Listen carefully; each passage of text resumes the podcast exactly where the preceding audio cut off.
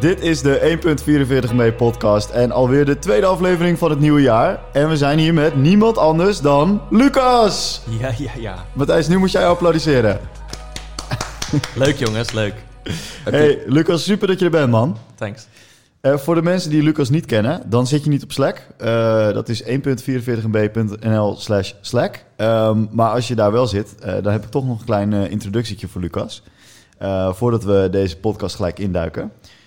De algemene introductie voor Lucas is... Lucas studeerde inform Information Engineering op de Hogeschool van Amsterdam... en daarna Business Information Systems op de UvA, ook in Amsterdam. Tijdens, en tijdens zijn studie heeft Lucas al diverse development- en marketingbaantjes gehad... Tot hij in 2008 besloot met uh, Magic Labs te beginnen. Magisch. Mm -hmm. Nou, daarna bracht hij websites, apps, video's, logo's en t-shirts, narrowcasting, zoekmachines aan de man. Echt een hele hoop. Daar kan niks misgaan, denk ik al, toch? Nee, nee, nee. Vind ik zeker helemaal ging top. alleen maar goed. ja, ja, Toen kwam 24 Thema. Sessions. Hij veranderde Magic, Magic Labs in Social Developers en werkte een paar jaar bij Customer Gage. En in 2006 begon Lucas weer als ondernemer met Sorted.co, waar hij als marketingstratege bedrijf helpt om te groeien. En hoe? Zeker. En nu is hij in onze show. Persoonlijke Daar ben ik groei. Precies, ja. ja. persoonlijke groei. groei. Zometeen kun je geëndorsed worden op LinkedIn. Um, en we hebben ook een themaatje voor vandaag. Matthijs, waar gaan we het over hebben? Oké, we waren dit aan het voorbereiden. En uh, wat, er, uh, wat er in Slack wel eens gebeurt... en zonder het al te in-crowd te maken... En dan geeft Lucas ons wel eens even inzicht in hoe hij ma een magische hoed opstuurt om een, uh, om een sale te sluiten. Of eigenlijk allerlei andere gek, gekke shit. Zo kan ik het wel even omvatten. En toen dachten we, zou daar ooit wel eens wat misgaan? Dus we hebben deze aflevering hashtag fails genoemd. Waarbij we het even gaan hebben over de dingen die misgaan en wat we daar dan van leren. Want vooropgesteld, falen is groeien. ja, ik zie het ook wel echt zo. Op een tegel. Ja, nee, zeker. Ja. Maar volgens mij was het toch dat jullie mij nu voor het blok willen zetten... omdat ik steeds begon, begon te klagen over al die stomme iPhone-verhalen... dat ik daar een beetje klaar mee was. En toen... Ook, ook. Dat zeiden we, ja, fuck it, dan gaan we met Lucas gaan we opnemen. Ja, en, we, en ik mag het ook niet meer over grip hebben van heel veel mensen. Nee, je mag het wel over grip hebben... zolang we er maar grapjes over mogen Ah, maken. okay, okay. Zolang we maar uh, Spotify-lijstjes met allemaal dingen die uh, over grip gaan uh, kunnen maken. Dus dit is een uitzending zonder grip, zonder auto's, zonder fietsen, zonder, zonder Lycra-pakjes. Ja, zonder Jezus. Technologie. Man, nou, misschien een beetje technologie. Nou ja, ja, ja, ja een Lycra-pakje zit er ook nog wel in volgens mij. Okay. Maar nice. laten we er gelijk induiken. Want waar we dus eigenlijk op zoek zijn... zijn naar de verhalen waar, we, waar je fouten hebt gemaakt... maar waar je ook van hebt geleerd. Dus die, die echt pijn hebben gedaan. Want zo ervaar ik het wel. Als ik echt keihard op mijn muil ga... dan leer ik er wat van. Ja, of een beetje is ook goed. Nee, daar leer je niks van. Jawel, een beetje leer, leer je ook wel wat van. Ja, dat is een ah, beetje... Daar gaan we het straks over hebben. Jij bent van, uh, van de generatie waar ik ook van ben... waar iedereen, uh, uh, hoe heet het, scheenbeschermers omkreeg en zo. En dat, Zeker. Het, uh, zijn beetje softies. Rubber, rubber tegelparadijs. Nee, hoe heet het ook alweer? Ja, rubber, ja volgens mij wel. Zoiets. Ja. Speelplaats met rubber tegels. Maar Matthijs, wil jij misschien eens vertellen... wat jouw grootste learning file is? Om even in te duiken. Jeetje. Nee, ik, wil, ik vind dat we met Lucas moeten beginnen. Okay, vind ik leuker. beginnen we met Lucas. Lucas, wil jij vertellen wat jouw grootste faal was? Ik weet niet of het de grootste was, maar ik heb natuurlijk voordat ik hier naartoe ging een beetje nagedacht over nou, mijn uh, leven tot nu toe. Ja? En een van de dingen die me wel eens echt bij is gebleven is, uh, ik heb ze ook meegenomen, een paar, uh, is ja, mijn t-shirt webshop. Dit is, dit is de t-shirt webshop Katoen, ja. ja. Je hebt nu een pakketje vast wat tien jaar geleden is ingepakt. Ongelooflijk. Maak hem maar eens open trouwens. Komt er nog goede lucht uit? Het ja, ja, ik zak je maar eens open. Nee, nee, het, ra het ruikt naar, uh, naar, de jaarwisseling. En kijk eens wat er in de nek staat van een t-shirt. Katoen, zonder ja, A. met een jaartal erbij. Zomer 2009. Ja, dus dat was ook lekker, uh, hoe, toen lekker je, tijdloos. Toen je gisteren naar de met... drukker ging, hoe moest je dit uitleggen? Dat, ja, ik wilde 2009 in. Het is nee, echt dus, serieus tien jaar oud. Dat is ja. mooi. Ja. Dus, dus ik had, uh, ik denk toen ik 21 was, de, het idee dat ik heel graag... Nou, eigenlijk toen ik 16 was, dacht ik, ik wil Fresh Cotton nadoen. Oh ja. Ook een t-shirt website. Want dat was, was, nice. dat was toen al, dat kwam toen best wel ja, hard op dat, ineens. dat was toen een webshop die het wel echt goed deed. En zij sprongen heel erg in op trends, toch? Toen, uh, ja, dat was een beetje de, beetje de toffe memes. dingetjes of zo. Nou, weet ik niet. Buurtvrij was toch ook een beetje die periode? Uh, iets later, denk ik. Ah, ja. Maar in ieder geval, ik dacht, ik wil t-shirts bedrukken, want dan kan je toffe dingen doen. En, eh hebt je gaan mensen met jouw shirt. Ja, precies. En er waren wel wat Amerikaanse websites die ik heel leuk vond om te bezoeken. En in die tijd vond ik bedrukte shirts ook heel gaaf. Nu helemaal niet meer. Eh, toen wel. Dus ik bedacht, wat nou als ik designers vind die dingen maken die ik mooi vind. Ik bedruk dat en geef die gasten een kickback eh, per verkoop. Dan heb ik geen kosten aan de eh, rechten op die designs. Ja. En ik ga die dingen in de markt zetten. En dat is leuk, want dan kunnen mensen andere designers aandragen. En, nou, het concept was best wel grappig eigenlijk. Ja, want het, het, het klinkt als weinig vooraf investeren. Ja. Want die art, die, dat, dat doe je met kickback. Mhm. Eh, het ziet er serieus echt goed uit. Het is geen... Het is geen eh, nou, je hebt ook wel eens van die lelijke comic shirts. Maar, maar dit ziet er serieus... Het is echt een toffe design wat erop staat. Ja, dus ik wilde ook absoluut niet van die, van die plastic bedrukte dingen. Dus ik wilde Nee, het gezeefdruk. Dus dat is ik- transfer, toch? Die, eh, Ja. ja. Ja, je hebt een paar flexprint en transfer. Dus op een gegeven moment wist ik ook heel veel van drukken. ja. Eh, dus ik dacht, nee, het moet safe druk, want dat is nice en dat gaat lang mee en dat gaat goed in de was en dat gaat een beetje leven. Dus dat moeten we hebben. Ehm, maar ik had niet bedacht dat je die shirts ook kan verkopen voordat ze zijn gedrukt. Ja. Dus ik dacht, we gaan live met de webshop en dan moeten mensen gaan kopen. En dan moet je voorraad hebben.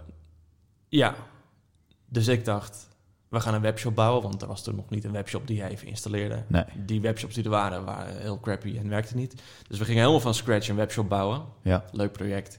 Ging redelijk wat tijd in zitten. Eh, en we gingen ook, of ik ging ook die shirts inkopen en betalen. En ik dacht, je gaat niet één shirt doen met één design. Dus ik dacht per design vier kleuren. Wow. En je gaat niet voor mannen en vrouwen hetzelfde shirt verkopen. Want vrouwen gaan misschien ook bestellen. Ik had geen idee. Ehm, En dan nog een keer alle maten ook. en natuurlijk van S tot en met XL. Ja, ja, ja, ja, ja. Dus ik had op een gegeven moment had ik, nou, ik denk eh 80 verschillende variaties van t-shirts. Oeh. Dus sommige shirts die, die waren uitverkocht op, op de eerste dag, zeg maar. Ondanks dat ik niet superveel verkocht. Maar die waren gewoon weg, want had ik maar gewoon drie van die shirts. Dus ik had een 3XL van dit design bijvoorbeeld. Eh, dus dat, dat was nogal naïef.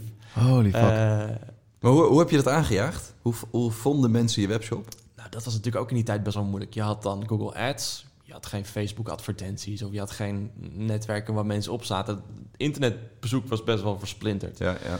Ehm, dus ik heb eh, toen een, een websiteje gevonden die t-shirts verkocht. En dan kon je gewoon naartoe en dan, ik mocht dus mijn t-shirts daar afleveren en zij ging dat ervoor kopen. Dat ging wel een beetje, maar ze vroegen best wel een hoge marge en het was een beetje vaag ook allemaal. Dus ja, de waarheid is dat ik nog steeds best wel veel shirts online heb staan. Ja. Ehm, ik heb één keer nog met een Nederlandse designer een design gemaakt. Mhm. Eh, toen maar 50 besteld. één maat of één kleur. Vier verschillende maten. Geen vrouwenshirts meer. Eh, want die kunnen ook prima gewoon een mannenvorm aan. En die was uitverkocht omdat die designer een beetje een netwerkje had. ja. En dat ging toen op zich wel prima. Maar ehm, ja, mijn eerste badge was ook mijn enige badge voor Katoen. ja. Ehm, en toen dacht ik op een gegeven moment, ja, het gaat zoveel tijd in zitten. En ik vond het ook vreselijk om die pakketjes steeds op de bus te doen. Dus als er Ja. weer een bestelling was, dacht ik, oh ja, Dropshipping bestond nog niet. Nee, dus ik ging dan naar mijn ouders toe, waar ik in de schuur helemaal een mooie stellage had met allemaal doosjes op maat en op kleur. Dus ik kon Ja. het shirt binnen één seconde eruit pakken. Nou ja, je zag hem, hij was netjes ingepakt, dus dat was ook niet het probleem. Nee. Dus ik pakte hem eruit en deed hem in de, in de, in de envelop. Moest ik dan naar het postkantoor voor eh 12,50 euro winst of zo. Ja. Maar wat ik wel door dat hele proces leerde, was hoe extreem goedkoop het eigenlijk was om een t-shirt te bedrukken. Ja. Ja. Dus ik had geen idee dat het maar 2 euro of 3 euro kost om een shirt te hebben. Ja, maar zeker als je het vooraf doet. Want als je dit, Ja. dit per keer had gedaan, was je veel duurder uit geweest. Ja, dus, dus beetje leermoment in dit hele katoen falen was... Dat ik dacht, wow, dit is zo'n bizarre marge. En in de winkel liggen t-shirts voor nou, soms wel 100 euro. Ja. En dan zal het vast wel net een iets mooier stukje, eh, stukje katoen zijn. Maar die shirts die ik kocht, waren de allerduurste shirts die je kon kopen qua kwaliteit. ja. Omdat ik dacht, ja, het moet supergoed zijn. Mhm. Ehm, dus toen heb ik die kennis gebruikt om eigenlijk allemaal ja, een paar B2B deeltjes te maken. Dus Ja. ik, heb, ik kende iemand bij de, het Stadsdeel Amsterdam-Noord.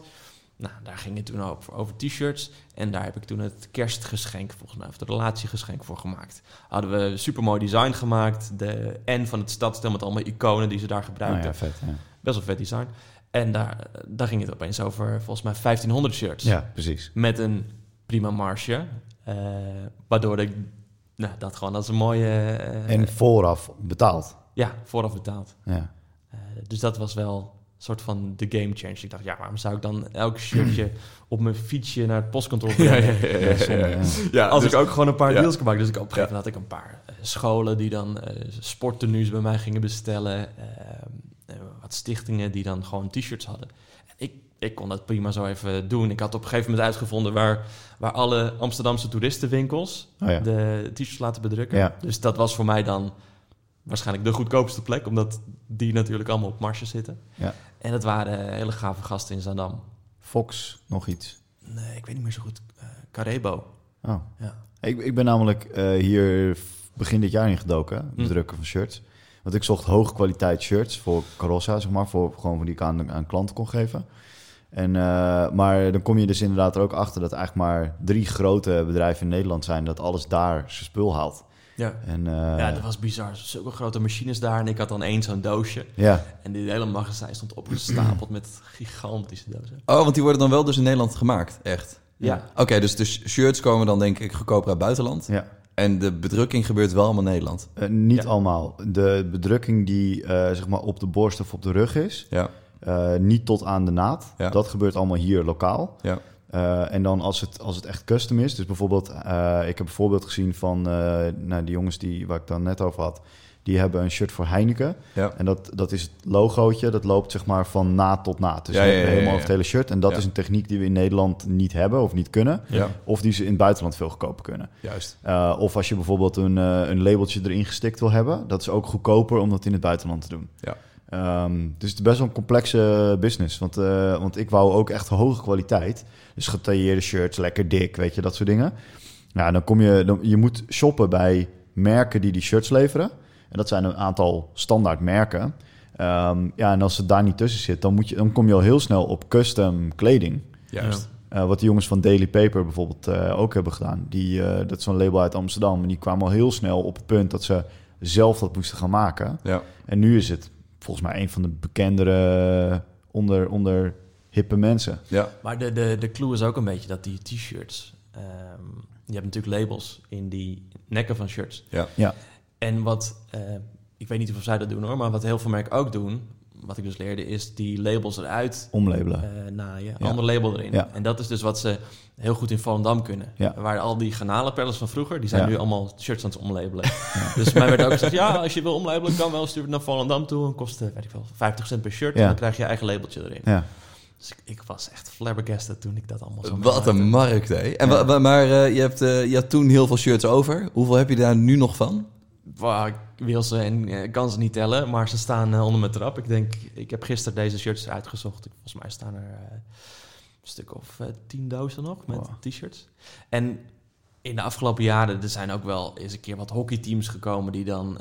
er zit ook een hooi-shirt bij, dat was dan gewoon een hooi. ja, deze. Dus dan, gele. dan had dan een heel team een hooi-shirt. ja, dus die kon je dan een mooi deeltje mee Ja. maken. Dit, dit was in mijn ogen toen ik begon, dacht ik, ik moet een super simpel shirt. Een beetje iets te plat voor, voor my liking. Ja, Maar wat mensen gewoon eh, waarschijnlijk gaan kopen. En dat was mijn hoorshirt. Eh een beetje gekopieerd van een shirt dat hetzelfde design had, maar dan Hello. ja. Dus ik had wel aan diezelfde designer gevraagd, kan je van je Hello hooi maken? Eh, Heb, je- heb je dat dan niet, doe je dat dan niet zelf? Dan, eh, dan zet je dus wel die designers in. Het is niet dat je zelf gaat lopen knutselen om dat design nee, want ik wilde op die webshop ook echt die designers een plek geven. Want Ja. ik dacht, zij moeten het eigen netwerk dan inzetten. Ja. En het was wel met die ambitie om te vertellen... hey, dit is een shirt gedesigned door deze persoon. Ja, ja. Eh, om het weer iets mooier te maken eigenlijk. ja. We- Weet je wat mooi is? Wij hebben de... eh, Lucas is een van de eerste Patreons en die heeft een pin van ons gehad. De floppy pin. En de site waar ik dat bestel, die werkt precies hetzelfde. Dus je, je koopt van een artist, maar het is via die, die tussenhandler. En die tussenhandler die, eh, die is nu eh, rogue gegaan. Die, eh, die levert niet meer. Maar mensen kopen daar dus omdat het die artiest is. Dus dat zijn hele bekende Instagrammers en zo. Dus op de comments op die page zie je ook dat het hele bekende mensen Ja, zijn. Ja, ik ja, ken ze niet. Ik ben er alleen maar gekomen dat ik een floppy wil hebben. Uh, maar grappig, dat, uh, dat concept loopt nog. Hey, maar je hebt nu de wat t-shirts over, maar dat is altijd. Op zich was het dus best wel een oké okay, uh, business. Nou ja, die webshop niet. Er is echt weken, maanden gestoken in het developen van een, een, een webshop module.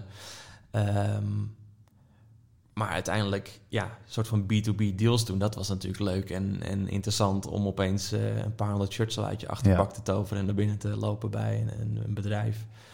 En dat was natuurlijk gaaf, maar da daar ging natuurlijk maanden overheen voordat ik dat door had. Best- Bestaat de webshop nog? Nee, nee, nee. Jammer. Ik weet 100% zeker dat hij wel bestaat.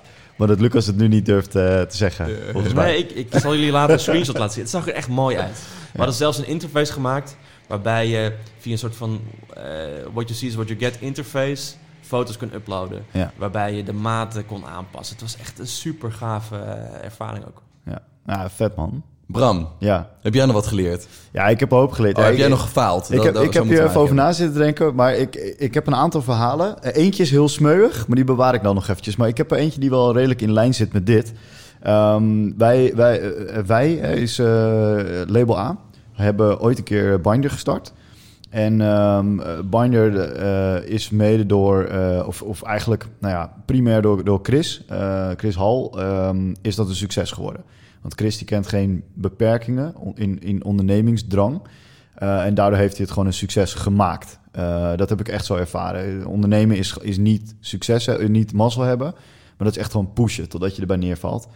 En, maar we hadden toen wel een beetje de smaak te pakken van... hey, wacht even, als we, een bureauleven is natuurlijk best wel hard. Het is iedere keer een klant binnenhalen en dan betaalt hij zijn factuur. En dan moet je weer een nieuwe klant binnenhalen. Als je je werk goed doet, zeg maar. En dan zit er nog wel wat een recurring business in. Maar zo'n eh, stacking income business als eh, Binder, waarbij een klant klant wordt en klant blijft en dan komt een nieuwe klant erbij en dan wordt het allemaal meer, is eigenlijk best wel leuk natuurlijk. En toen zijn we wat start-upjes op gaan zetten. Dus een bekende uit, uit de kring van Chris, die is begonnen met Birdie, een golfappje. Ehm, we participeerden mee in een aantal projecten van klanten. Dus die kwamen bij ons binnen. En dan, wij zagen altijd dat er twee soorten start-ups waren. Eentje was boterham en pindakaas. En de andere was, eh, die hadden geen stoelen, maar wel biljetten om op te zitten. Eh, dus dat waren mensen met geld en die ook de markt wel snapten, maar die de IT niet snapten. Ja, ja. Dan zeiden wij, oh, dat is wel interessant om in, eh, in mee te participeren. En ehm, op een gegeven moment had ik samen met, met een paar mensen binnen het bedrijf hadden we een idee.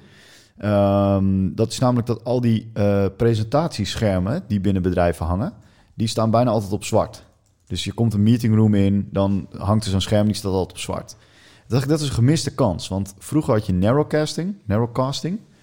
En ehm, tegenwoordig heb je heel veel tools die je helpen om eh, te herkennen wie er belt of eh, wie er eh, op je site zit of dat soort dingen. Ja. En ehm, toen dacht ik van wat we moeten doen is die schermen die moeten we daarin meenemen. Dus we gingen twee dingen doen. We koppelden je VoIP-connectie aan een applicatie, een platform dat wij ontwikkelden. En we hadden een app die dat displayde op eh, je Apple TV of op je Google TV. En daar konden we eh, bepaalde parameters aan geven. Dus wij hadden bijvoorbeeld Zendesk eraan gekoppeld, dat was ons ticketsysteem, en de server status. Dus als een klant, nou, laten we even zeggen dat eh Greenwheels belde, dan kon hij hier real-time zien, is dat platform van hun wel live?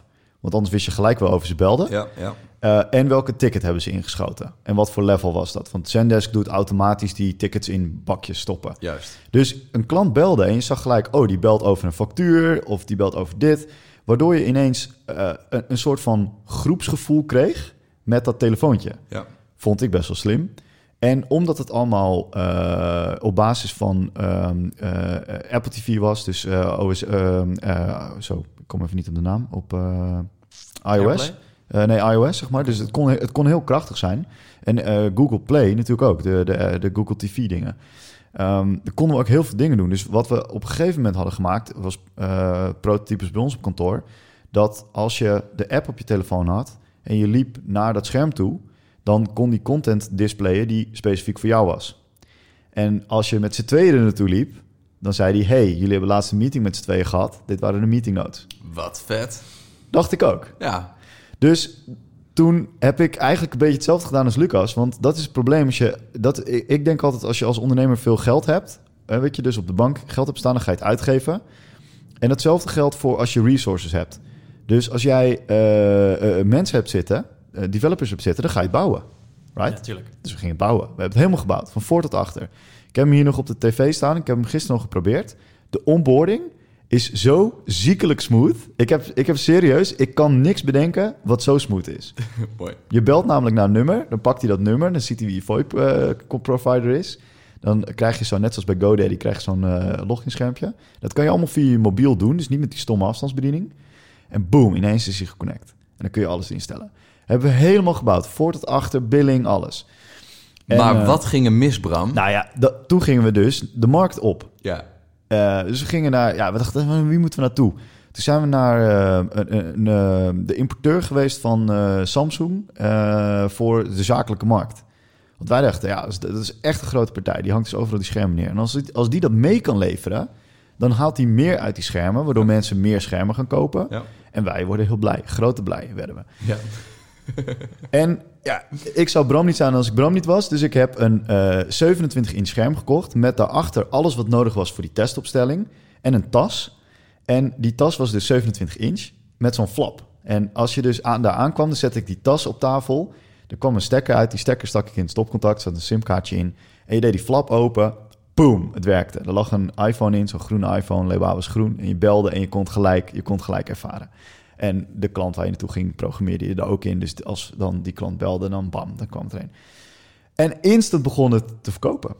Instant bouwden mensen het hebben. Die zeiden, ja, dit is vet en dit is mooi. En die waren het gelijk gaan gebruiken. Maar Bram, waar ging het mis? Ja, hier ging het dus mis.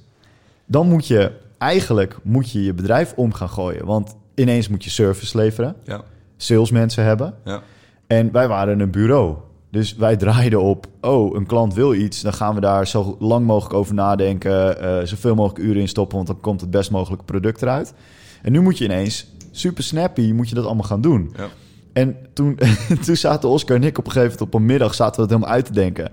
Keken we naar Binder, want ja, Binder was dat. Binder had een salesorganisatie, Binder had een serviceafdeling en de customer support en customer success, de hele rambam.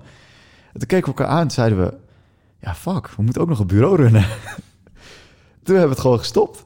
Ja. Gewoon puur omdat we zeiden, ja weet je, dit, dit kunnen we nu gaan doen. Maar dit, dit is een bedrijf. Dit is gewoon een bedrijf. En op dat moment liep Label A... Was, was, eh, het heeft een tijdje... eh, ik wil zeggen iets minder gelopen, maar dat is niet waar. Maar er is een tijdje geweest waarin we niet goed wisten wat we aan het doen waren... omdat we Binder en Label A hadden. Ja. En toen hadden we het gesplitst. Toen was het ineens super duidelijk. Hadden we focus. Dus Label A, dat ging echt weer through the roof. Echt door het plafond gingen we. En we hadden dus ook dat product... wat veel kleiner was dan A op dat moment. Ja, toen hebben we het gekild. Maar had je daar dan niet gewoon een aparte organisatie net als Binder voor neer moeten Ja, zetten? dat had gekund. En dan had je daar iemand voor moeten vinden en die dat kon managen. En hebben we ook nog wel geprobeerd hoor, maar, maar een beetje latent. Maar het was gewoon, weet je, label A was ook was meer dan twee handen vol. Was gewoon dat groeide zo hard dat wij daar dus ook iemand zoeken kostte ons gewoon te veel tijd. We hebben nog wel eh white label het aan iemand anders geleverd. Ehm, dus dat, eh, dat was dan nog wel een soort van, ja, dan halen we nog iets uit. Maar wel altijd ook het idee gehad, we gaan er volgend jaar mee verder. Want we lopen zo ver vooruit dat Ja. we volgend jaar ermee verder gaan. Ja. Ja, er is niks van gekomen. En nu ingehaald door concurrenten of niet? Nee, ik heb het nog steeds niet gezien. Nou, ja, dat is nog steeds op tijd dus. Ik, ik denk nog steeds dat, dat, als, dat als je dit nu start, dat je daarmee aan de slag kan. Had je het dan Ehm, niet beter kunnen verkopen? Ja, da- daar hebben we ook over nagedacht. Of investeren erbij zoeken? maar, maar altijd gedacht van, ja, we gaan het liever zelf doen. ja. En, en dat is ook een beetje het probleem. Eh, ja, het bureau liep goed. Dus kijk, als het niet goed gaat, dan ga je het misschien verkopen. En dan zeg je, Ja. ik haal er nog een paar euro uit. Maar wij dachten, ja, als we het zelf gaan doen. ja, ligt op de plank. Bij- Ja. Want je hebt dan, eh, het heet Voice. En je hebt in eh, Groningen heb je een partij die heet Voice. Ja. Dat is een VoIP-partij. Nou, Ja. die paste één op één, zeg maar. De, qua, qua DNA en cultuur paste die één op één hierbij. Die gast heeft laatst ook een hele mooie veel story gepost. Die zal ik ook wel even in de show notes zetten. Eh, zij hebben namelijk ook een CRM gebouwd dat helemaal gefaald is. Dus eh, wat ik hiervan heb geleerd is gewoon... eh, ik heb, ben hierdoor echt gaan paper prototypen. Dus ga eerst maar gewoon klein de markt in. En dan hadden we al direct gezien dat het misschien een succes wordt. En dan Ja. maak je de beslissing om dan nog serieus te gaan of niet te doen. En dan hadden we veel minder geld uitgegeven. Uh, maar echt shout-out naar de gasten die het hebben gebouwd. Want we hebben ook Bennett, uh, die wil ik hier echt, echt benoemen. Die heeft dit uh, eigenlijk in zijn eentje helemaal gefixt. Helemaal, helemaal neergezet. Um, en ja, die, de belofte was ook dat hij nummer één van, van de medewerkers zou zijn. Maar dat is, zover is het nooit gekomen. Ja. Dus hij werkt nog steeds bij Leeuwen, super tof. Um, maar dit is wel, deze staat wel hoog op mijn lijstje. Dat ik denk van, ah shit, dat had ik anders moeten aanpakken. Ja. Bizar hoe dat prototype tegenwoordig heel logisch is, maar vijf, zes jaar geleden. Ik, ik was ging je gewoon bouwen, ging je designen, en moest Ja. het werken, ging je het laten zien, eh, volledig werkend. Ja? In plaats van een soort van belofte die Ja. je dan, dan ging bouwen als iemand het wilde kopen. Ja, maar de verwachting van de markt was dan ook hoger, denk ik. Daar, daar Ja, ligt... weet ik niet, want je kon juist met hele kleine dingen die niet zo lekker werkten ook gewoon Ja. eh, hele bedrijven. Alleen dat zag niemand. Nee. Ja, nee, precies. Ja. Omdat die verwachting anders lag. Nee, eh, nee, dat denk ik niet. Eh, ik denk dat iedereen... Dat, dat er geen feeling is met de markt. Dus iedereen dacht van, oh, ik moet het helemaal bouwen. Ja. Terwijl iemand die aan de andere kant zit, die is al blij met alles wat een klein stapje beter is. Weet Ja, je? ja, Als, ja, als ik namelijk al alleen dat scherm iets toffers op had getoverd, een soort van narrowcasting 2.0, was het al klaar geweest. maar. Ja. Eh, dus, Misschien komt het ook wel omdat je nu best wel makkelijk mensen kan bereiken in een bepaalde doelgroep. Met, ja, of met LinkedIn-advertenties of, of met een bepaalde Facebook-ad. ja, En op die manier kun je super makkelijk binnen echt een dag iets doormeten. Ja. En dat was toen natuurlijk een stuk lastiger. Je kon niet even zeggen, ik wil Nee. alle designers in Amsterdam dit product pitchen en kijken of ze het willen kopen. nee. ja. Dus dat is misschien wel iets wat makkelijker is geworden. Denk ik wel hoor, denk ik wel. Ja, dat, dat, dat zal zeker uitmaken. Dat, eh, heb, jij, heb jij wel eens gefaald, Matthijs? Want het- ja, ik, Ik heb twijfelde ik- over of nee, je dat doet. Ja, nee, ik faal nooit. Nee, ik heb wel... eh, hij, hij is wat softer dan die van jou, maar wel meer in lijn met die van Lucas. En wat ik namelijk best wel vaak doe, is als ik een idee heb... Dan het eerste wat ik doe is de domeinnaam vastleggen. Ja, Punt. Eh, eh, maar ook al dingen kopen. Dus ik heb ooit bijna voor, eh, ik denk wel 5000 euro een Rubik's Cubussen gekocht. Omdat ik dacht, oh, als ik die site heb en ik heb er lekker traffic op, dan moet ik die dingen ook verkopen. Terwijl ik eigenlijk ook gewoon beter affiliate had kunnen doen naar eh, een site die is afgekocht. Maar eh, zo heb ik ook, nou, ik denk wel 3000 kleine stickertjes. Mhm. Omdat ik ooit samen met een maatje het idee had om webcam afplak stickers te kopen. Kijk, ik heb er nu eentje op mijn laptop zitten. Omdat iedereen, eh dit is een smiley. dus podcast hè. Dus, eh, Ja, weet ik, maar ik wijs hem even naar Lucas. Voor de luisteraars. Het ziet er is heel een- gaaf uit. het is een kleine smiley. Nee, maar dat, die, die, die was ontstaan vanuit het idee dat iedereen geeltjes op zijn webcam plakt. ja. Of eh, stukjes tape. Ja. Of ik heb zelfs wel eens bij iemand een pleister gezien. Een stukje ik- kauwgom heb ik gezien. Toen dacht, toen dacht ik, oh, dit, dit kan met zo'n kleine effort kan dit beter. Ja. Nou, eh, de investering was nul hoor. Of in ieder geval 100 piek of zo voor kleine stickertjes. Maar ja, dan moet je er ook meer mee gaan doen. Dus wat ik wel heb geleerd is eerst even het plan rondmaken. En dan pas dingen gaan kopen. Want als je dingen hebt gekocht, dan hou je er best wel snel mee. Dat is in ieder geval mijn ervaring. Ik, zo heb ik ook eh, eh, best wel een dikke bulk aan veters thuis liggen. Veterpost. Voor veterpost.nl. We wachten er al een jaar op mensen. Ja. Dat is zeker weten. Ik maar heb echt nu hele vieze veters in mijn schoenen, Matthijs. komende, komende zomer gaat, die, eh, gaat er meer mee gebeuren. Dat beloof ik. Maar dit kan je dus nu in twee dagen uittesten. Hè? Ja. Facebook-advertentie. Ja. Ja, weet ik. Maar je ik, regelt je copy. ik heb al... Veterpost.nl staat al klaar met een inschrijf eh, mail dingetje en dat soort dingen. Dus, dat, Oké. dus het, het gaat er komen. Eh, maar ik merk aan mezelf... Daar ben, ik, daar ben ik inderdaad een jaar geleden... heb ik hier ook al over verteld. En toen was ik ook mee bezig. Toen dacht ik, oh, het wordt de zomer 2019. Dan ga ik, dan ga ik, dan ga ik ermee live. Ja. Maar dat is toen niet helemaal gelukt. Dus komende zomer zeker. Dus mijn les is... minder snel kopen en eerst even uitdenken. Ik ben daar niet helemaal mee eens hoor. Want het inspireert ook, volgens mij. Nou ja, ik denk dat dat heel erg verschilt per mens. Wat ik, Ja. Wat ik voor, van mezelf bijvoorbeeld merk, is dat momenten dat ik een vet idee heb en ik doe er een klein beetje wat aan en ik vertel daar aan mensen, dan is mijn gevoel van ik heb een vet idee en eh, ik heb het ergens liggen, is dan al verzadigd. Terwijl er andere mensen veel meer een kick van krijgen, denk ik, om het wel helemaal uit te rollen en wel helemaal uit te ontwikkelen. Maar voor mij is het het idee alleen al hebben, een klein beetje tastbaar maken, daar word ik al zo gelukkig van. Terwijl ik juist dan moet doorzetten om het door te ontwikkelen. Ja, of je moet eh, partneren met iemand die dat wel eh, Ja, precies, die dat heel leuk vindt. Ja, dat zou kunnen. Dat, eh, dat vond ik altijd het grappig aan wat ik met Oscar bij Leeuwen had. Dat wij zo van profiel verschilden, Ja. dat het elkaar juist heel erg aanvulde. En Ja. dat, ja, ik heb net als jij dat ik heel 100 miljoen ideeën per dag heb. En ik denk ook allemaal dat ze goed zijn. Eh, maar dat is vaak niet zo. Maar eh, de- iemand anders heeft helemaal geen ideeën, maar kan wel heel goed executeren of operational eh dat uitrollen. Juist, juist. Ja, hm, dat is wel een mooie learning in deze Ja, podcast. Mooi, hè? Maar waar is dan de, de, de lijn tussen gewoon lekker hobbyen en falen omdat je niet genoeg energie erin steekt, maar die potentie wel ziet of zo? Eh, ja, nee, het, het, het lekke hobbyen zit er ook in. Want eh, eh, uitzoeken bij een, eh, op AliExpress de, de beste feta-leverancier vinden, samples bestellen. Dat is gelachen, toch? Ja, een domeinnaam registreren en daar met Twitter Bootstrap leren om daar een landingspaginaatje van elkaar te knutselen. Dat, dat, vind, ik- dat vind ik fantastisch. En daar haal ik ook heel veel energie uit. En daarom doe ik het ook, omdat ik, misschien is dat wel. Misschien, ik vind de voorkant bouwen zo leuk. En dat, dat kost zo weinig frustratie, omdat het gewoon zoveel energie geeft om het te ontdekken en te bouwen. Dat het me dan eigenlijk ook niet zo heel veel uitmaakt dat ik het daarna niet meer doortrek of zo. Ja, precies. En dat betekent niet dat ik nooit dingen doortrek, want er zijn, gaan ook wel dingen goed. maar dit zijn dan even twee fails waarvan ik denk, ah shit, oh, ik misschien toch wat meer tijd in moet stoppen. Is ook wel een hele ehm, Nederlandse manier om ernaar te kijken. Amerikanen zijn veel... eh, ja, die, die kijken veel meer naar... Die, die kijken niet naar falen. Die kijken naar hoe vaak je iets probeert. Ja. Dus de- failliet, als je daar niet twee keer failliet bent gegaan... dan ben je geen ondernemer.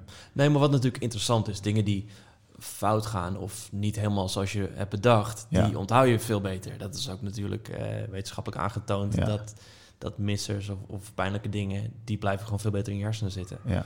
Dus daardoor vind ik het wel interessant dat je via die manier gaat denken, oh, wat heb je nou eigenlijk geleerd? Ja. Terwijl als je gaat vragen, wat heb je allemaal geleerd in je eh, bestaan? Ja. Dan is het best wel moeilijk, denk ik, om daar een, een hard lijstje van eh, op te hoesten. Oh nee, zeker. Ja, nee, dat, dat is grappig dat je dat zegt. Want ik heb toevallig eh, vorige week gevraagd aan wat jongens binnen Label A... om een case video te maken van iets wat wij een paar jaar geleden hebben gedaan. wat echt mega succesvol was. En waar ik niks van heb. Daar heb ik helemaal, helemaal niks van. Terwijl ik van Voicy heb ik alles bewaard. Eh, ik heb eh, stickertjes hier liggen. Jullie mogen zo meteen een Voicy stickertje meenemen. Eh, ik heb het pakket, ik, ik heb hem nog geïnstalleerd en zo, maar over zo'n groot succes waar heb ik helemaal niks meer. Ehm, ik, ik heb het niet eens ergens opgeschreven, ik kon het niet eens in mijn mailbox vinden, zeg maar.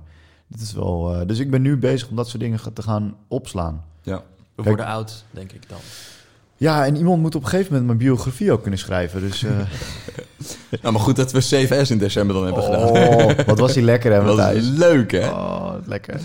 Hey, eh, ja, dat, ik, dit vind ik lekkere verhalen, maar eh, ik wil eigenlijk nog wel meer. Hebben, hebben, hebben we niet nog harder gefaald dan dit? Want ik vond het een beetje soft. Nou, Lucas, jij mag weer beginnen. Ehm, ja, de, kijk, bij Katoen, de t-shirt webshop, had ik wat geld geïnvesteerd. Ja. En nou ja, heb ik uiteindelijk wel geld terugverdiend, omdat ik die, die link kon maken met grotere bedrijven die veel t-shirts wilden inkopen. Ja. In diezelfde fase was ik ook met een ander project bezig.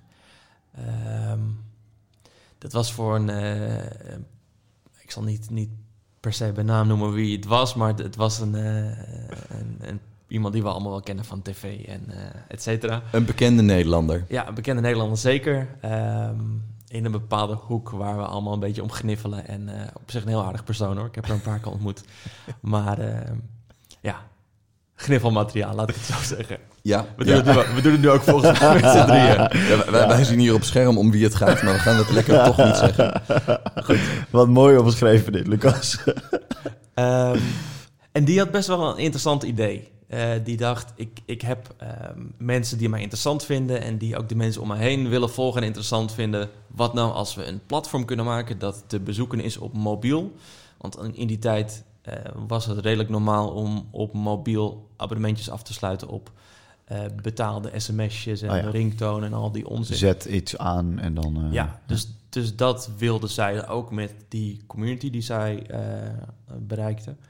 En ze had het idee van een timeline. En je kon je dus abonneren op mensen in haar netwerkje. Ja. En per persoon waar je op abonneerde moest je een fee betalen. Best wel pittige fee, volgens mij 1 of 2 euro per dag.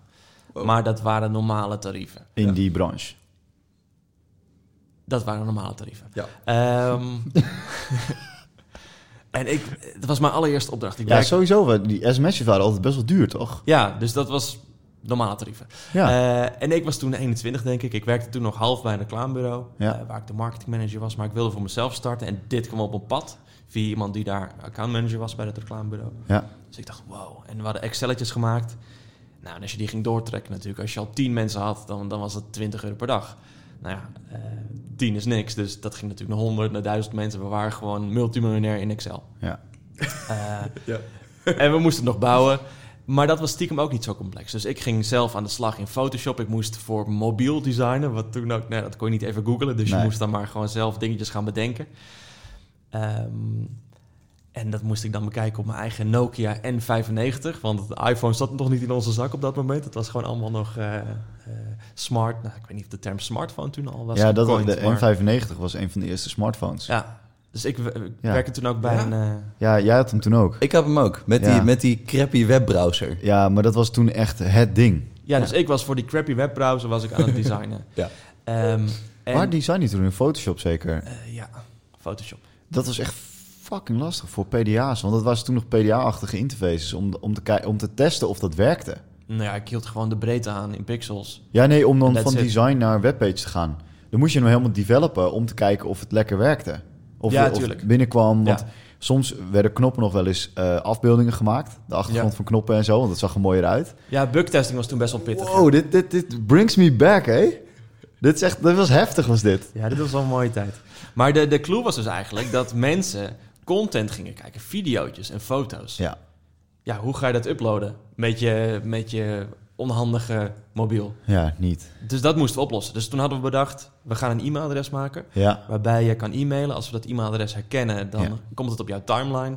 En wij converteren die 3 mpg of zoiets. Dat was een heel gek formaat. 3GP. 3, ja, 3gp. 3GP-filmpjes, Naar ja. iets dat goed afspeelde in je browser. Dus volgens mij, ik denk ehm, een MPEG of zo. Ja, dat zal dus dat zal konden wij op een server doen. En dat was toen allemaal zo ingeregeld. Best wel complex en slim aan de achterkant. Eh, dus dat werkte. Maar dat Eh, was geen, dit was geen goedkope investering. Nou, eh, nee. Maar ik, ik deed dat samen. Ik had een bureau gevonden die ik vanuit, dat, ehm, vanuit die webshop waar ik in die tijd werkte, Ja. die kende ik. En ze hadden een ringtone website. Ja.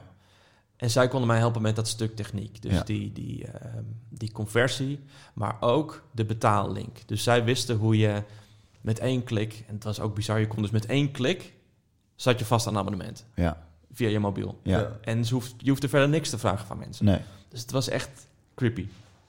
Maar dat werkte dus. We hadden, Maar dat, toen was dat niet creepy, toch? Dat gebeurde toen heel veel. Ja, maar wij hadden dan iets dat net nieuw was. We deden mee in een soort van beta, waardoor je ook echt aan een recurring ding vast Zat je, en werd het iedere keer vanaf je telefoonabonnement Ja. geschreven. Ja. Ja. Zonder dat je dat dus echt met een sms'je zag. Het was gewoon Ja. in, de, in de achtergrond. Ja. Dus dat werkte. Ja. We hadden die videoconversie gemaakt en het zag er best nog wel grappig uit. Het was natuurlijk ook niet swipe op je scherm, maar het was gewoon met een naar beneden knopje ging je over die website heen. Ja. Dus, dus dat was ook heel gek. Ja, zo'n die, fysieke N95-knop. Ja, ja, ja, ja, ja. Je, je scherm kon je al niet aanraken in die Nee. tijd. Maar Eh, waar ging het mis? Nou, dat systeem draaide, die servers draaiden, was stiekem best wel duur. Ik moest denk ik eh, 1200 euro per maand betalen om dat Ja. hele systeem eh, te hebben draaien. En in dat bedrag zat dan ook wel een beetje verkapt dat die eh, partij een developer was geweest. Ja. Ik had een jaarcontract afgesloten met ze, want ik dacht, ja, die Excel die is zo lekker, dit gaat gewoon knallen. Dus eh, in de twee weken voordat we live wilden, want het was gekoppeld aan een reality soap, ehm, moesten nog even het contractje ondertekenen en de, de zakelijke afspraken maken. Want er moest natuurlijk een BV komen. Ik had geen idee in die tijd. Ik had gewoon mijn eenmanszaakje en het zal allemaal wel. Ehm, en toen kwam dat contract binnen en daar stond in 50-50 partnerschap, eh, 50-50 kosten. Dus ik dacht, shit, gaan ze, gaan ze nu ook marketingcampagnes draaien?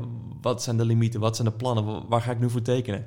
Dus ik kwam terug met voor mij best wel logische vragen van... Nou, gaan jullie nu ook intern dingen rekenen? Ga je eigen uren nu bijhouden met een soort van fee? ja, geen gekke vraag. Nee. En ik was er best wel van geschrokken of zo. Want ik dacht, nou, eh, die app werkt en laten we live gaan... en eh, ik wil die, die uitkomst van die. Excel ontvangen. Ja, En toen werd het stil. Dus dacht ik, nee toch. En ehm, allemaal gedoe. En ik heb toen gebeld en gemaild. En, en puntje bij paaltje ging dat gewoon niet door. Omdat nou, het liep anders. En volgens mij ging, gingen die mensen een beetje uit elkaar. En het was zakelijk daar een beetje rommelig. Hm. Dus ik zat daar met een systeem wat supergoed werkte. Eh, lekker gedesigned. wa- Wat video's en foto's kon convert aan de Ja. achterkant. En, Met 15.000 euro kosten op jaarbasis. en was toen eh 21 en dacht, oké, ehm, oké, nu ga ik iets anders doen. dus toen kreeg ik elke maand die factuur binnen Oh, voor dat bedrag. En, en ik dacht, ja, shit. Ja. Betalen maar, want ik was gewoon te gegeneerd ook. En dacht, nou, ik wil er gewoon niks over weten. Dus ik betaalde dat gewoon elke maand. En toen na een half jaar, toen het een beetje was gezakt... En toen ik niet meer de illusie had dat het ooit van de grond zou komen, Ja, ja. dacht ik, het is wel veel geld elke maand. Ik ga vragen of ik eh, nog een maand mag betalen en dan eh, mag stoppen. Ja. En toen had ik dat voorgesteld en toen zei ze, ja, is goed. dus toen dacht ik ook, oh shit. Dat ik ook tien maanden geleden. Dus sindsdien denk ik altijd als ik een contract zie... Oh ja, eerst even dat contract voordat je echt al je tijd, al je Ja. resources, al je geld... Want ik denk echt dat er maanden in development is gegaan. Ook Ja. Qua energie natuurlijk. Het is wel best wel pittig om uit die dip dan te komen van dat je denkt... Oh, Ja. ik ben op mijn 22e compleet binnen. ja. Eh, En dan ben je het ineens niet. ja, dus ik zat met, gewoon met de eh, bus. met 700 t-shirts en, eh, en een maandelijkse fee. Dus dat, dat was mijn eerste jaar ondernemen. Oh shit, man. Ja, dus dat was... ehm, Maar, maar dat contract, hè, dat, eh, daar heb je, dat heb je nu geleerd, dat pas je aan. Maar eh, ik heb daar ook best wel wat builen gevallen. Merk je dan niet dat je nieuwe relaties ingaat met een best wel stevig contract? Dat dat de relatie best wel vermoeilijkt soms? Nee, ik, ik denk dat ik nog steeds niet die fase heel handig inga. Maar wat ik, ik heb niet de illusie dat het ook een succes wordt of heel groot gaat worden voordat het op papier staat. Ja, precies. Dus ik vind het nog steeds prima om energie en, en resources ergens in te steken als je denkt van nou, dit is wel Ja. leuk.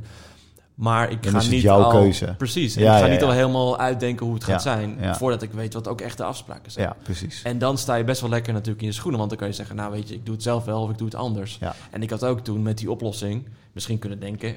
voor wie is dit nog meer interessant? Want het staat gewoon. Ja. En, eh, maar die instelling had ik toen helemaal niet. Nee, maar dat is ook hetzelfde als wat ik met Voice heb. Dan ja, natuurlijk kan je het verkopen en energie insteken, maar je zit niet in die mindset op dat moment. Nee. Je, bent je bent bezig met het verwerken van het verlies. Ja, waarschijnlijk. En dit was toen ook zo ehm, anders en een beetje nieuw voor die tijd... Ja. dat het ook moeilijk te verpakken was in een soort van pitch. Ja. En pitch was toen ook niet echt een ding wat mensen deden volgens mij Nee. als softwareoplossing. Nee, achteraf gezien zou het natuurlijk briljant zijn voor... Toen had je Big Brother-achtige dingen, Idols. Eh, dat was rondom die tijd. Dat, achteraf gezien zou het briljant daarvoor zijn. Stiekem hadden we gewoon Instagram gebouwd in 2009. Ja. ik, ik, ik heb een klant gehad die ook... eh, die heeft Fine gebouwd. Eh, ja. En eh, die, had, die woonde in de buurt bij Marco Bussato. En die had weer een link met Voice of Holland. En toen hebben ze dat, dat platform echt ingezet voor eh, de Voice of Holland. Ehm, en dat is uiteindelijk ook niet gelukt. Of tenminste, draait geloof ik nog steeds, maar het doet niet meer wat het moet doen. Ja. Dus dat is ook geen garantie voor succes. Hè? Nee, dat, eh, dat, Je wilt fijn de korte video, ja, video's. ja, zij hadden echt, echt ja, maar echt al, pff, jezus, ik denk dat dat in 2012 was. Hadden zij dat al? Ja, toen, de Fine is uit 2015, 16 of zo. ja zoiets. En, eh, Wel eerder, denk ik. Hoor. ja, weet ik niet, maar ja, het, het was in ieder geval heel, heel, heel vroeg was het. Dus ehm, dat was wel interessant. Ja, cool. Hey, ik, eh, zal ik er even eentje ingooien, want ik heb nog wel een heel... eh, dit, is- dit is mijn alle, alle naaste verhaal uit mijn hele onderneming eh, periode. Oké, bring it. en ik heb niet veel geld verloren. Ehm, met Label A waren we altijd... Ik moet, ik moet er nu zelf al om lachen. Met Label A waren we altijd op zoek naar andere manieren voor marketing. Dus eh, ik, ik gaf liever geen geld uit aan eh, marketingbureaus of marketeers of AdWords of dat soort dingen. Ik probeerde altijd uniek te zijn. En ehm, ik, ik, de- ik ben inmiddels ben ik erachter. De les van dit is dat je als je daarmee echt ver weg wil gaan, dus als je echt iets neer wil zetten waar, waarmee je mensen bereikt, dan moet je ook af en toe iets doen wat net even niet goed valt. Eh, wat hadden we namelijk bedacht? We deden eh, bij Label A kregen we steeds meer eh, mensen die vanuit het buitenland naar Nederland verhuisden om bij ons te werken. Ja. En Unicum binnen IT-bureaus, we kregen steeds meer vrouwen. Daar deden we ook echt wel veel moeite voor om die te krijgen. Ehm, en toen kregen we de feedback dat het soms best wel een, een, een ehm, ja, vijandige omgeving is door de mannencultuur. Ja. Dus heel simpel, er werden altijd that's what she said grappen gemaakt. Eh, het is natuurlijk veel eh, bier drinken, lachen, mannen, mannen dingen, zeg maar. En toen hadden we besloten om, dat, eh, om, dat, ja, om daar iets aan te doen. Om echt inclusion een soort van thema te maken. En we waren op, ook op zoek naar nieuwe developers. En toen waren we op een avond aan het brainstormen over hoe kunnen we dit nou mooi, lekker, goed in de markt zetten. En hoe kun je nou makkelijk developers bereiken? Waar zitten developers? Dus eh, wij adverteerden altijd eh, voor vacatures op tweakers.net, game sites. Eh, we hebben toen zelfs, Twitch was toen nog niet, maar op zo'n streamingdienst het gedaan. Ja. En altijd als we het hierover hadden, zeiden we: waar zitten developers? porno-sites. En dat was altijd een grapje, even lachen, ha, ha, ha. En dan gingen we weer verder, want het was toch niet reëel. En omdat we dat inclusion project gingen doen, leek het ons ineens heel tof. Ik weet niet waar dit mis is gegaan. Om, eh, dat, om dat te gaan adverteren op eh, een porno-netwerk. dus je hebt zeg maar eh, AdSense van Google. Ja. Dat heb je dus ook voor eh, pornografische websites. Dus er is één grote partij die kan dan binnen al die dingen... en dan kun je kiezen op wat voor categorie je wordt gezien en dat soort dingen. Ehm, iets heel flauws bedacht. Ik ga niet herhalen wat er op die, eh, op die advertentie stond... maar het was eh, zeker niet naakt, ehm, eh, maar wel met een leuk woordgrapje. En, ehm, Kan je het woordgrapje niet vertellen, Bram? Nee, nee, nee, nee, nee, zeker niet. Hey, maar dit is gewoon een leuk om mensen naar die Slack van jullie te krijgen. Eh, Dan maak je hem nee, daar. nee, nee. Ik ga hem Oh. ook daar echt niet op zetten. Ik heb, ik heb zelfs eh, ik heb, in mijn backups heb ik dingen die ik soms onder een wachtwoord zet. En dit heeft zijn eigen mapje met zijn eigen wachtwoord. dat heb ik ook in een envelop gedaan en ergens ver weg verstopt. En eh, over 30 jaar kan ik hier misschien eh, pas echt... Ik, ik, ik, me- ik merk nu serieus als ik het vertel... dat ik echt... Ik heb echt zwetende handen. Dat ik, ik, baal hier nog steeds enorm van dat ik dit heb gedaan. Ehm, en de volgende ochtend kwamen wij op kantoor, want het is natuurlijk een Amerikaans netwerk en het werd, eh, s s'nachts werd het live gezet.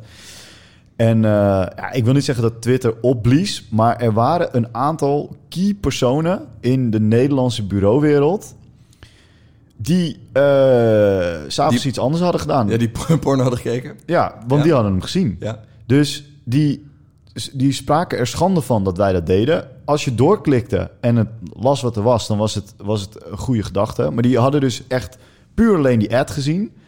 Terwijl ze op een porno-site zaten. Ja. Dat gescreenshot op Twitter gezet. En daar ging iedereen... Nou, er wa- er was natuurlijk één iemand met een bloempotkapsel... die helemaal niet wist wat er aan de hand was. En die ging daar wel op reageren.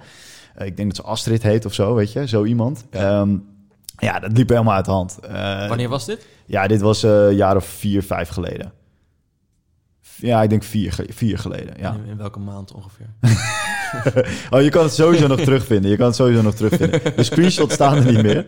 Want die Ima- Image of zo, dat doet het niet meer. Eh, nee, ik heb daar ook nog gekeken vooraf. Maar het, je kan het serieus nog wel terugvinden. Maar ehm, ja, dit backfired zo keihard. Eh, en het was... Wat dat betreft, op dat moment was het briljant. Want als we keken naar de traffic, ook van de doelgroep die erop had geklikt, developers hadden ook keihard geklikt. Ehm, dus die zitten, ja, je zit best wel in een andere mindset, denk ik, als je op zo'n site zit, denk ik. Je bent niet op zoek naar een baan. Die klikten wel. En die kwamen ook op die page. En eh, we hebben hem toen echt na een paar uur hebben hem uitgezet. En eh, we kregen over het, al het ad-budget kregen we terug, heel netjes. Eh, heel Was bizar. het duur om daar te Nee, adverteren? het was echt, het was echt heel average was het. En het, no, het was fucking goed geregeld. Die, je hebt die Facebook Ad Manager, waar je alles zelf kan instellen en kan bijsnijden. Het was dat. En dan kon je precies zien op welke categorie en hoe laat mensen daar klikken uit welk land. En, en, en als je even uitzet hoe schunnig het is, dan dacht je, holy fuck, dit zou iedere website moeten hebben dat het zo ik goed vind dit werkt. een goed kanaal voor Veterpost misschien. Ja, dan doe iets met reetveter. Dat is wel leuk. Ehm, maar ja, dit, dit heb ik dus gedaan. En ik heb daar nog steeds super veel spijt van. Want die campagne was... We, we zijn de dag daarna... hadden wij de introductie voor team. Gingen we naar Den Haag toe. Eh, daar heb je Student Hotel. En Student Hotel heeft ook van die ehm, meetingruimtes. En die in Den Haag, daar zit een hele mooie catwalk in het midden. En toen hadden we bedacht, weet je, je moet je, je, moet je eh, kwets- kwetsbaar opstellen hiervoor. Dus eh, Oscar, mijn partner toen, heeft echt een verhaal verteld. En als ik er nu aan terug, dan krijg je gewoon letterlijk kippenvel. Gewoon echt tranen in je ogen wat hij vertelde. Echt een super mooi verhaal. En, en dat hebben we met elkaar gedaan. Toen hebben we post-its op de muur gehangen met wat, zijn, eh, wat ervaarde je op je eerste dag? Hè? Wat, waar, hoe voelde je je niet included? Eh, we hebben daarna gekeken naar de grote topics. Zijn wij, zijn wij eh zo met vrouwenquote, we hadden het- ik geloof dat het gemiddelde voor een bureau is 10%. Waar zitten wij? Waar willen we naartoe? Dat soort dingen. Dat, dat was het idee achter het project. Ehm, dat, dat hebben we nog wel iets sterker aangezet, omdat het allemaal zo opblies. Maar dat, dat was allemaal in gang gezet. Dat gebeurde allemaal. Maar het enige wat toen gebeurde was... Oh, die gasten hebben een, een ad op een pornonetwerk gezet. Ja, ja. Terwijl je aan de andere kant zo goed bezig was. Ja, Ja. dus... eh, en wat ik super lekker vind, om hem af te ronden... ehm, wij deden altijd best wel toffe dingen, ehm, vond ik zelf, eh, eh, in marketing. En dat vonden anderen ook, want die kopieerden het gewoon, één op één. Ja. Soms zelfs met de letterlijk dezelfde teksten. Ja. Die spraken schande van wat we hebben gedaan. En um, nog geen maand daarna kopieerden ze onze eigen shit weer. Ja. En dat vind ik dan wel, weet je, dan denk ik, ja, oké, eh, tuurlijk, ik, ik had die feedback helemaal verdiend. En ik, heb, ik, ik denk nu ook 16 keer meer na eh, over dat soort dingen.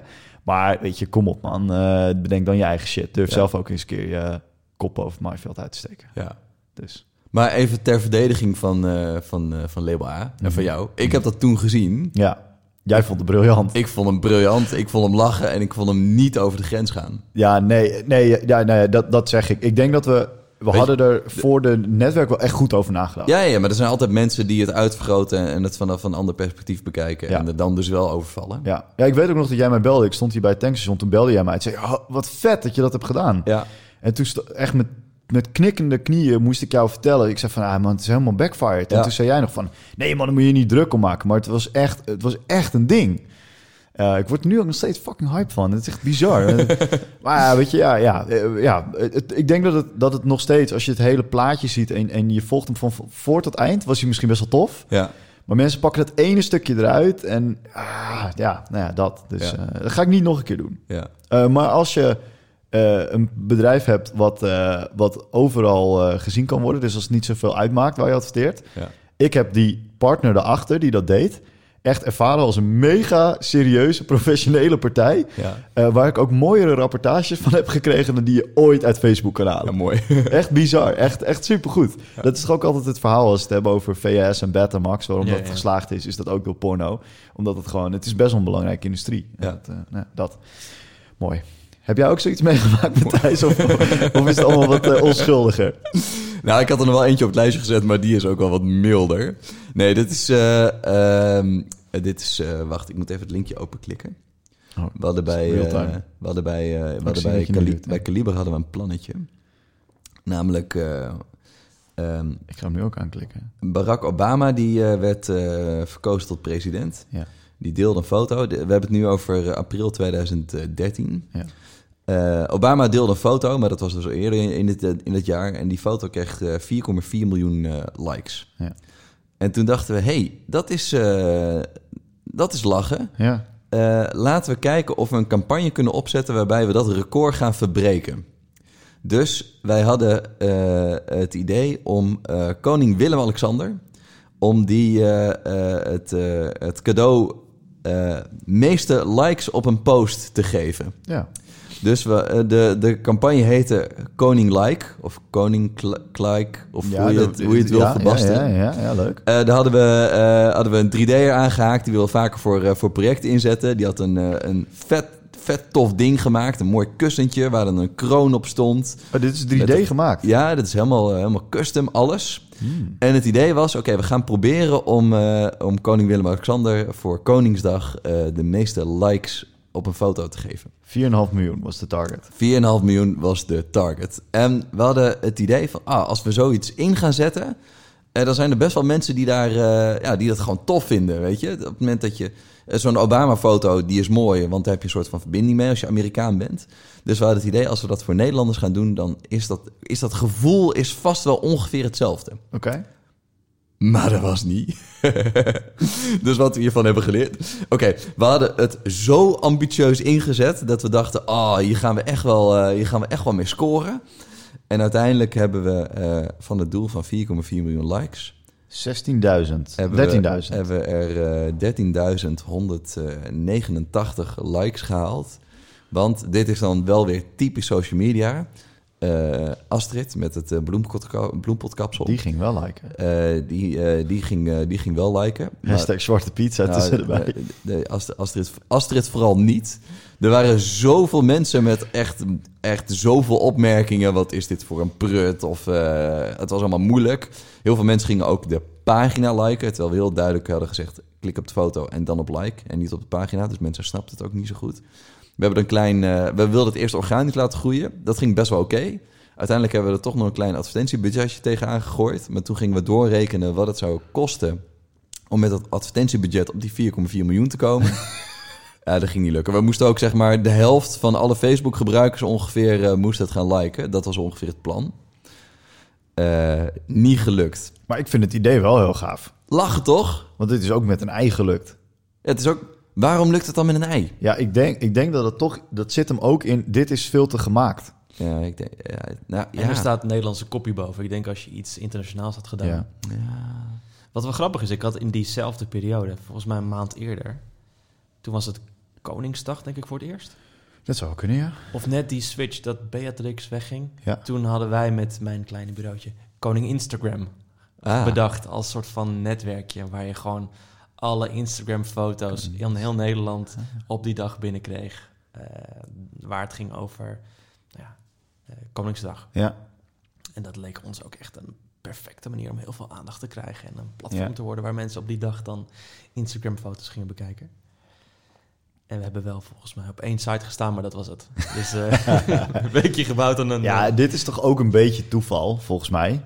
Dit, dit, dit, moet, dit moet toch ook allemaal net een beetje de goede kant op vallen. tuurlijk. Wat bedoel je? Nou, dit- zo'n foto ja, van een ei, ja, als je dat Iets voor bedenkt... gaan. Dat is toch ook de, de, de joke dat, dat iedereen nu een banaan met een stuk duct tape aan de muur plakt. Ja, ja, dat maar, die, niemand voor ja, maar dat, dat ei komt vanuit, vanuit een of andere influencer, toch? Ja, neem maar dan nog steeds. Dat, je hebt genoeg dingen die door influencers worden gedaan die niet een succes worden. Wat, ja, dat is toch flauw. Dat dat, eh, ja, soms werkt het wel, soms werkt het niet, denk ik. Ja, nee, zeker, zeker. Maar de, de, eh, oké, wa- waarom werkt het ei wel en koning like niet? Ja, Dat, dat heeft er alles mee te maken. Even kijken hoor. Dat komt omdat die, dat ei-ding, dat komt vanuit een of ander eh, grote influencer... die het op die manier heeft opgeblazen. Hm. Weet je, dus die, die heeft al netwerk, die kan die eerste massa aanzetten... en dan gaat het vliegen. En dat werkte bij Koning Like gewoon niet, omdat het heel erg organisch vanuit een soort van kleine schaal probeerde te doen. En als je niet die eerste olievlek, dat eerste olievlek-effect hebt, ja, dan schaalt dat niet op die manier. nee. Hè, dus je moet het of keihard met advertenties gaan aanjagen, dat hebben we er wel van geleerd. Of het moet wel komen vanuit iemand die het, eh, die het op die manier groot kan maken. Dus, nou, Hm, interessant. Maar dan nog steeds als Jennifer Aniston op Instagram gaat... dan eh, krijgt ze ineens de meeste likes ooit. ja toch? Ja, die is er keihard overheen gaan over het ei. Ja. En, eh, en over Kylie Jenner. En eh, Dat is bizar. ja, dat, dat is echt insane. Jemig jongens, wat een... eh, Wat een wijze lessen allemaal. hè? ja, we hebben er wel, ik heb er wel een hoop van geleerd in ieder geval weer. Mooi. Matthijs, wil jij nog wat, eh, wat kwijt? Eh, nee, ik ben door mijn onderwerpenlijstje heen, Bram. Echt? Ik zeg, laten we hem langzaam gaan afronden. Oké. Ik wil dan sowieso eigenlijk wel Lucas bedanken nu. Zeker weten, Lucas. Lucas, bedankt dat je er was. Bedankt dat je ook onze eerste Patreon was en bent. Ja? Dat waarderen we serieus. je kan en, nog steeds Patreon worden. eh, en dat waarderen niet alleen wij, maar ook die zielige kindertjes. Maar dat is misschien nog wel een laatste ding wat ik Oh. ook heb geleerd. Ik vind altijd als mensen initiatief tonen, Ja?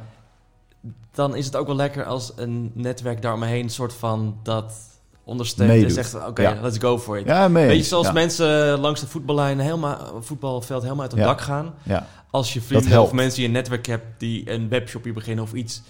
Koop dan iets. Ja, Ja, ja nee, mee eens. Ja, ik heb daar bijvoorbeeld eh, de Koningshart eh, boekensteun staan. eh, die ook een, in een van de podcasts komt, wat een vriendin van ons maakt. En dat, ik vind het een geweldig product. Maar ja, ik heb hem ook gekocht omdat ik haar wil steunen. Dat vind ik super tof. Dat, ja, ja dat, nee, dat ben ik helemaal met je eens. Dat, ook, ik heb ook dat met, met, met content creators. Als die iets tofs maken, dan wil ik ze en dan gaan ze iets doen, dan wil ik ze steunen. want jullie gaan natuurlijk stiekem best wel met de billen bloot door te zeggen... oh, we gaan op Patreon. Ja. En ja, dan is dat wel iets om... eh, ja, als je daarvoor gaat, dan vind ik dat je daar ook wel iets van... nou, respect naar mag tonen of zo. Dank je. Nou, Mooi. Let's go for Ja. it. Nou, goed om te horen. Volgend jaar gaan we er nog meer mee doen. eh, want we hebben inmiddels een, eh, een mixer die we kunnen weggeven. Dus eh, dat gaan we ook eh, serieus gaan we dat doen. Dat is zeg maar dit jaar, hè? Want we nemen stiekem Oh, ja. in december op, maar deze gaan we in eh, Dat klopt inderdaad. 2020 uitzenden. Goed. Ik eh, bedank nogmaals Lucas. Matthijs, jij ook bedankt. En eh we spreken elkaar weer over twee weken voor een nieuwe podcast. En dan gaan we nu een foto maken met onze floppy camera. Oké, man.